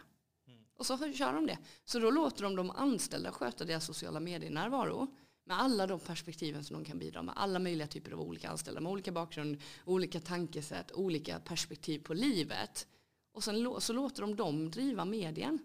Mm. Instagram. Då får de lägga upp bilder en hel vecka, spela in stories och lägga upp. Och plötsligt så blir det ett, en levande organism. Hela bolaget blir, det består ju då av massa människor plötsligt och inte bara ett företagsvarumärke. Nej, precis. Och det är den genuiniteten. För du har ju anställt dem. Mm. Du har anställt dem för att du litar på att de kan igen föra sig runt kunder. Ja, då borde de kunna göra det. Plus att de sänker kostnaderna för sociala mediekontona enormt. Det är gratis marknadsföring. Gratis marknadsföring, precis. För de anställda är ju så här, gud vad kul, det är klart jag ska göra det. Mm. Även om inte alla gör det, är man 50 personer. Då har du innehåll på Instagram för ett helt år, 52 veckor, mm. utan problem. Och de får en vecka var. Så här, den här veckan är min vecka, nu ska ni få se hur jag, vad jag gör på jobbet på det här företaget. Mm. Och sen får de köra storiesarna varenda vecka, varje, liksom en vecka var. Mm. Det är ett sjukt bra sätt att göra marknadsföring för. För det blir ju människor då. Plötsligt blir det en människa bakom varumärket. Det blir individer och kulturen blir så tydlig. Mm. Och det tycker jag är, så här, det är ett klockrent tips om man jobbar med den typen av. Och det är samma sak med LinkedIn. Lär dina människor hur de ska jobba med sociala kanaler för att de ska bli dina kanaler ut till era potentiella kunder. Det är inte svårare än så. Så du tycker att man ska kunna vara lika transparent på LinkedIn som Instagram. Det är exakt ja, det jag säger. Ja, helt klart. Alltså, för att det är ju människan du vill lära känna. Folk, jag har haft flera tillfällen i Stockholm, vilket är helt psykt för mig. Alltså det är helt sjukt. Första gången det här hände, när någon kommer fram och bara, hej, är inte det du som är Sara? På stan. Mm. Och då är det en person jag är connectad med på LinkedIn. Jag har ju så dåligt ansiktsminne så jag kunde inte placera personen och det kändes ju hemskt, jag kände mig helt elak. Men 14 000 personer, det är så svårt att ha koll på exakt allihopa hur de ser mm. ut. Um, men hon kom fram och bara, men vi hade ju det här samtalet här och här. Jag bara, men just det, ja men nu kommer jag ihåg för nu hon gav mig kontexten. Och det händer att folk stannar mig på gatan. Och det är ju inte för att jag jobbar på Break the Box eller för att jag har drivit det här bolaget eller för att jag har varit på Vine utan det är ju för att de gillar mig. Mm. För de får se mig. När jag hade cancer för ett par år sedan och blev sjuk, då la jag upp en bild på LinkedIn, för då var jag tyst i flera månader. Då la jag upp en bild på LinkedIn på där mitt hår hade fallit av i handfatet för jag tappade en massa hår. Jag gick igenom cellgiftsbehandling och, och strålning. Jag la upp en bild på LinkedIn på det här äckliga håret och bara, det har varit tyst från mig för att jag är sjuk. Jag har den här diagnosen, det här är det som har hänt och cancer och så vidare. Och jag har aldrig haft en post som har exploderat så mycket i kommentarer. Bara, ah, det är så emot att säga det, min syster har det, min pappa har haft det och min mamma gick bort i det. Och jag, ingen pratar om det, den här stora sjukdomen som tar så många liv. Och ingen skulle heller prata om det i, i möten med kunder eller liknande. För det är alldeles för privat och personligt. Det kan man inte prata om. Jag sitter ju liksom, eftersom jag hade jag hade ju problem med livmodern bland annat i den här processen. Så jag opererade bort livmodern. Och det som händer när man opererar bort livmodern och äggstockarna det är att man ibland kommer in i klimakteriet. Det som egentligen sker när man ska vara typ så 65. Ja, det landade jag i liksom ett år efter min behandling. Vilket innebär vallningar. Vallningar är så attacksvettningar. Mm. så jag har suttit liksom i möten de senaste månaderna och typ läckt vatten på bordet. Alltså jag, jag läcker svett. För att det bara kommer över mig och så rinner svett i typ tio minuter och sen slutar det. Jag kan inte sitta där och bara ursäkta, jag ska bara torka mig utan att berätta varför. Så jag berättar ju, ja men jag är i klimakteriet för det här har hänt och jag hade cancer och bla bla. Och folk bara, det blir en helt annan typ av möte efter det. Ja, ja. För jag delar, det finns inga filter där. Varför skulle jag inte dela? Det är ju sanning. Jag kan inte sitta och låtsas att jag svettas. Då ser det ut som att jag typ varit ute och festat den natten och har bakisvettningar. Alltså man får ju välja sina strider liksom. Så att det är en sån här sak som jag eh, tycker är viktig. Vem mm. är du? Om du gillar den du är, var dig själv online och i fysiska möten. Om du inte gillar den du är, jobba med det först. För annars kommer du inte lyckas på LinkedIn. Så skärp till dig och gå i terapi. ja men alltså, ja. för att det är viktigt att man tycker om sig själv. Mm. Och det tar tid och självinsikt och det tar, kräver massa jobb. Mm. Alltså jag kan tycka så här att det är alldeles för många på LinkedIn som bygger stora nätverk som bara är plastigt. Mm. Uh, kan inte ge dig någonting. Kanske fem sex pers där som kan mm. ge någonting. Uh, så att mitt nätverk vill jag helst, alltså jag skulle aldrig vilja ha ens över tusen. Nej. Bara tusen känns för mycket. Mm. Uh, Tänker du så på Instagram också? Nej, Instagram spelar ingen roll. Faktiskt. Så du... LinkedIn, det, det liksom på riktigt förstör ens flöde med de som lägger upp saker 20 gånger om dagen. Mm. Och mitt flöde har redan blivit lite förstört och jag har bara 200 vänner någonting. Men det är också en, eh, det är också en fråga om kvalitet. För när jag blir störd av en person i mitt flöde, då tar jag bort deras kontakt. Så jag rensar ju mina, jag rensar i mina led hela tiden. Jag har ju gått från du vet, 16 000 till 14 000, 12 000. Alltså jag har fluktuerat. För när det är någon som delar saker som jag inte kan stå för, som jag inte tycker är intressanta, då tar jag bort kontakten. Då är det bara unfriend. Jo men alltså, därför att, och jag hoppas folk gör samma sak med mig. Om de tycker jag är ointressant, det är klart de inte ska följa mig på LinkedIn. Alltså man ska ju, alltså livet är för fucking kort för att hålla på och fundera på hur folk kommer reagera eller om man ska ha 200 eller 1000 kontakter på LinkedIn. Sök dig till människor som du tycker är roliga att följa, som har bra budskap som du kan lära dig av. Och bara lägg till dem. Alltså jag har ju fått mentorskap från, från högt uppsatta chefer på stora organisationer i Sverige. Bara för att jag har lagt till dem och bara tjena, jag gjorde en intervju med, med han som är operativ chef eller CEO på Klarna. En riktig doldis. Han har varit i typ en artikel sedan Klarna startade. Och han blir i princip aldrig intervjuad. De har ju andra personer runt den ledningsgruppen som är mycket mer proaktivt extroverta. Mm. Eh, och han är inte det. Men det är han, fast han är bara inte det i sådana sammanhang. Och jag, hade, och jag tog kontakt med honom och bara, jag håller på med min intervjuserie, jag vill jättegärna ha ett möte med dig och intervjua dig. Kan du tänka dig det? Det här är frågeställningarna. Och då hade jag gjort min research och pluggat satan och pratat med några vänner jag kände som jobbar på Klarna. Så jag hade fått reda på massa detaljer om deras planer framåt och allting. Så jag var väldigt specifik i mina frågor. Mm. Så jag hade done my homework. Och då förtjänar man oftast tid hos de här personerna. Det gäller att förtjäna den tiden. Mm. Uh, och så fick jag intervjun. Och han bara, första han öppnade med var så här, nej men jag var ju tvungen att ta det här. Vi får in PR-förfrågningar om intervjuer varje dag till mig. Som jag bara säger nej till. Det är vår PR-avdelning som sköter det, att säga nej alltså. Mm. Men du var helt oförskräckt sa jag. Du var helt orädd. Det fanns liksom ingen, jag tror inte ens att det fanns en tanke i ditt huvud att jag skulle säga nej. Jag bara nej, det, vi sitter ju här. Han bara precis. Helt sjukt. Jag bara, eh, ja. Och sådana dialoger hade jag aldrig fått igång om inte jag hade byggt ett varumärke runt mig. Som gör att när han går in och tittar på min profil och ser att vi har 700 gemensamma vänner. Precis. Då bara, okej okay, den här personen är the real deal. Mm. Ja men så är det ju. Så är det. Det, det, man märker på en gång att har man, jag har ju typ 60-70 gemensamma, vi kanske har 60-70 gemensamma ja. vänner. Och det gör ju på en gång att okej, okay, vi tycker om samma saker. Ja, precis. Vi tycker om samma människor uppenbarligen. Mm. Vi har tydligen liknande intressen. Och jag har ju vissa människor som lägger till mig på LinkedIn som är från USA till exempel, där jag kan ha så här 4 000 gemensamma kontakter. Då har man liksom gemensamt nätverk. Mm. Och det är en psykologisk aspekt i det. Och där har jag också en typisk sätt att komma in på större bolag. Eh, där man går in och börjar, börjar connecta med människor som är en nivå under C-level eller under ledningsgruppsmedlemmar. Så börjar man prata med dem. Sen när man skickar en fråga till vdn på ett bolag som man kanske tänker att han, han kommer aldrig säga ja. Då går han in och säger så här, oh, hon känner 17 personer som jobbar hos oss. Ja men då säger jag ju ja. Hon måste göra en koppling till oss. Precis. Väldigt enkelt, sen pitchar man. Direkt när han säger ja så bara, jag vill sälja grejer till dig. Mm. Nej, det gör man inte. Sluta göra det, snälla alla som gör det. Ja, nej men herregud. Jag tycker verkligen det här avsnittet det har varit så sjukt lärorikt. Jag vet att många verkligen kommer tycka om allting det du säger och hela den här genuiteten, att man måste vara rak. Jag berättade redan för mina gäster innan att du skulle komma till den här podden och att jag vill lära mig att bli lika avslappnad. För jag är exakt som du när micken är av. Ja, jag fattar det. Men det är ju en träningsfråga. Jag har stått på scen så himla mycket. Och jag blir lika exalterad slash nervös, rädd innan varje. Alltså det går aldrig över. Men jag är bara van vid att snacka tydligen. nu för tiden. Men nu är vår tid snart slut igen. Vad gör vi nu? Vi spelar in en till. Men klockan är snart fyra. Ja, ja, vi tar en kort paus här i alla fall. Ja. Hej, hej.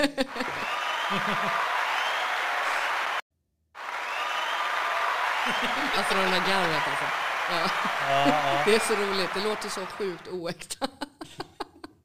Men ändå äkta, man börjar garva på en gång. Ja, men det är klart. Man blir glad. Jag tänker så här, eh, kan du wrappa upp allting nu? Eh, Sammanfatta allting som vi har pratat om tidigare så att man kan förstå lite bättre. Yes, vi kan göra det väldigt kortfattat. Så om man jobbar med personligt varumärke då, hur ska man då bygga det? Men för det första så behöver du skapa ditt budskap. Alltså vad är det du ska prata om? Vad är du passionerad om? Vad brinner du för? För det är det som är ditt budskap. Så de ämnena som du är så nördig i, prata om dem. Nummer två, eh, bygg och fyll ditt rum med din tribe. Alltså ta in människor i ditt nätverk på olika sätt, både via LinkedIn eller Instagram eller vilken kanal du nu väljer att använda. Fyll rummet med människor som kommer att tycka att det är spännande när du pratar om budskapet du har. Som är lika nördiga som du inom vad det nu är. Um, och sen nummer tre, var konsekvent i att du håller ut. För för mig tog det flera år innan jag fick den leveragen av LinkedIn till exempel som jag verkligen har nu. Det tog lång tid, man måste vara uthållig och konsekvent. Så sätt dig på ett budskap och så bara nu är det det här jag pratar om. Bara under lång tid. För då kommer du få in de där människorna som är rätt människor till slut. Nummer fyra, då, när det gäller sociala kanaler, sluta vara så jävla feg. Sluta vara så rädd för att skriva fel på LinkedIn eller lägga upp en bild på Instagram som inte är okej. Var dig själv och bara tänk fysisk interaktion. Om du är bra på det så kommer du vara bra här också. Så sluta fega ur. Bara gör för guds skull. Så bara var dig själv och kör. Det var sammanfattningen. Tycker du om den? Ja, jag tyckte det var superbra. Ja, nej, men jag håller helt med. Man ska agera så som man gör när man är i de vanliga rummen. Och jag, jag skulle vilja kalla mig själv för en proffsminglare. Ja. Och jag snackar inte skit. Jag greppar tag i den jag En mingelguru, är det det du är? Nej, alltså jag, jag kallpratar inte med människor. Jag går inte runt och pratar med allt och alla. Utan hittar jag en intressant person, då rycker jag tag i den. Alltså, till exempel, när jag reser, jag reser bara ensam. Jag orkar inte släpa på en ryggsäck. Då kan jag göra vad jag vill, när jag vill. Och jag kommer också alltid in i landet mycket snabbare än jag är själv. För då kan jag greppa tag i, ah, han ser ut som mig, hon ser ut som mig. Jag tycker om det här, var kan jag hitta det här? Och så bara, Upplevelsen blir något annat. så är jag inne i ett land som en vanlig turist aldrig någonsin skulle komma in. Det är Så sjukt att- spännande. Mm. Som andra ord, sluta fega ur och bara vara dig själv. Jag jobbar med två hashtags på, på Instagram som, ju, som är be brave och be you. Det är ganska enkelt för det, det symboliserar vem jag är. För jag är filterlös, därför modig. Folk uppfattar mig som modig, egentligen är jag inte det. Jag är ju bekväm i out of comfort zone. Det här är ju min comfort zone. Det som andra tycker är asläskigt. Hur vågar du? Mm. Okej, jag blir uttråkad när saker är comfort zone. Så jag, jag är ju alltid utanför, vilket innebär att det är min nya comfort zone. Det är inte obekvämt längre att göra de sakerna jag gör. Så jag måste ju leta upp ännu mer extrema saker att göra. Typ hur många svärord kan man få in i ett möte utan att de märker det. Sådana tramsiga saker som, som ger mig lite spänning i vardagen. Eh, samtidigt som man får en kund att känna sig sedd och hörd. Speciellt, för det är de ju. De är viktiga. Så det är bara att få dem att känna så. Och sen you, var dig själv. Men då måste du först veta vem sjutton du är. Och där känner jag att det är sjukt många som kämpar. För de på något sätt bestämmer sig för att ja, men, den jag är i riktiga livet kan ju inte bara vara på LinkedIn eller Instagram. Jo, det kan du. Bara gör det. Men hur många vet vem de är i riktiga livet? Man ser att alla bara följer den populismen och följer den stora massan. Och de Då nya kanske det är där man ska börja. Att ta reda på vem sjutton man själv är. För för mig har det varit ett pågående arbete under väldigt många år. Och jag hade aldrig haft min kunskap och kompetens utan att leta efter. För det menar när man är i obekväma situationer, det är då man lär känna varandra. När saker gör ont, det är då man lär känna sig själv. Det, det handlar om att sträva efter att sätta situationer där man pressar sig själv Mm. och självreflektera. Och väldigt många tar in, inte sig tid till det. Däremot så finns det ju en nackdelen med självreflektion. Det är att det kan bli ett ältande i sitt eget huvud kring men jag borde gjort så här eller så här. Så det är inte det jag menar när jag säger reflektera över dig själv. Utan jag menar snarare vad har du för delar som du verkligen älskar med dig själv? Vilka beteenden tycker du om? Ja, men skapa en miljö där du bara använder de beteendena då. För då kommer du tycka om dig själv.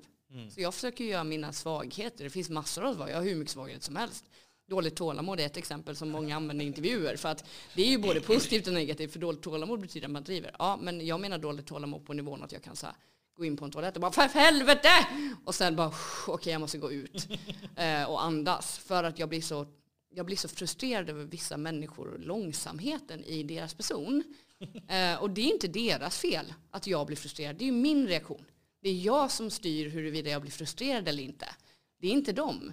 För alla människor måste få vara som man är. Men jag kan fortfarande bli helt galen.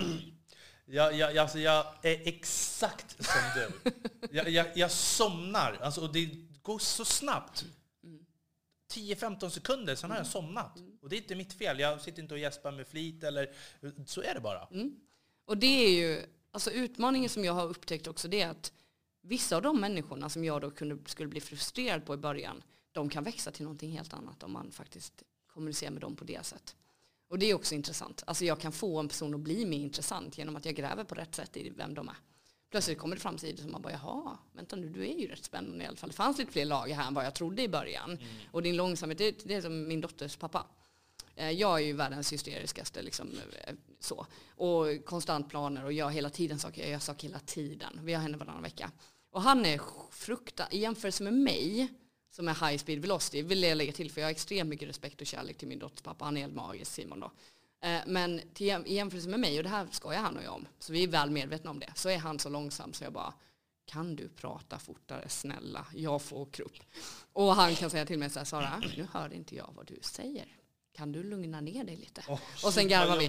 Nej men alltså, jo men det, det har varit jättejobbigt fram till en viss punkt för ett par år sedan när vi båda bara, men vänta nu, vi ska ju leva ihop runt ett barn, alltså inte bo ihop, men vi ska föräldraskapa under, du vet, 30 år till. Det kommer barnbarn och grejer. Alltså vi måste lära oss att, att prata med varandra ordentligt. Och det gjorde vi ganska tidigt efter skils, eller som vi separerade. Men vi har båda kommit till en punkt där vi accepterar varandras olikheter. Och bara, det är som det är. Mm. Och det är underlättare. Så det här med att gå runt och störa sig på folk, det stör jag mig på att jag gör. För det tar energi av mig som jag inte behöver lägga egentligen. Så just nu jobbar jag väldigt mycket med min egen reaktion eller respons på när någon jag, när någon jag pratar med pratar långsamt. Då är det så här, då ska jag träna på att ändra min, mitt beteende och min respons. För det ändrar hur de är. Det är sjukt spännande psykologi i det. Ja, ja, ja, ja. Jag Men jag kan ändå få knäppis ibland. jag sitter och försöker hålla mig för skratt här. Allt vad jag pallar. Det Om ska ni man inte bara- göra. om- Ut med det! Ut Om med ni det! bara kunde se henne samtidigt som hon pratar. Jag dör alltså. Ja, det, Men eh, det är tur att de inte gör det. Jag gillar poddformatet. Då kan man se hur galen jag ser ut. Man bara, oh.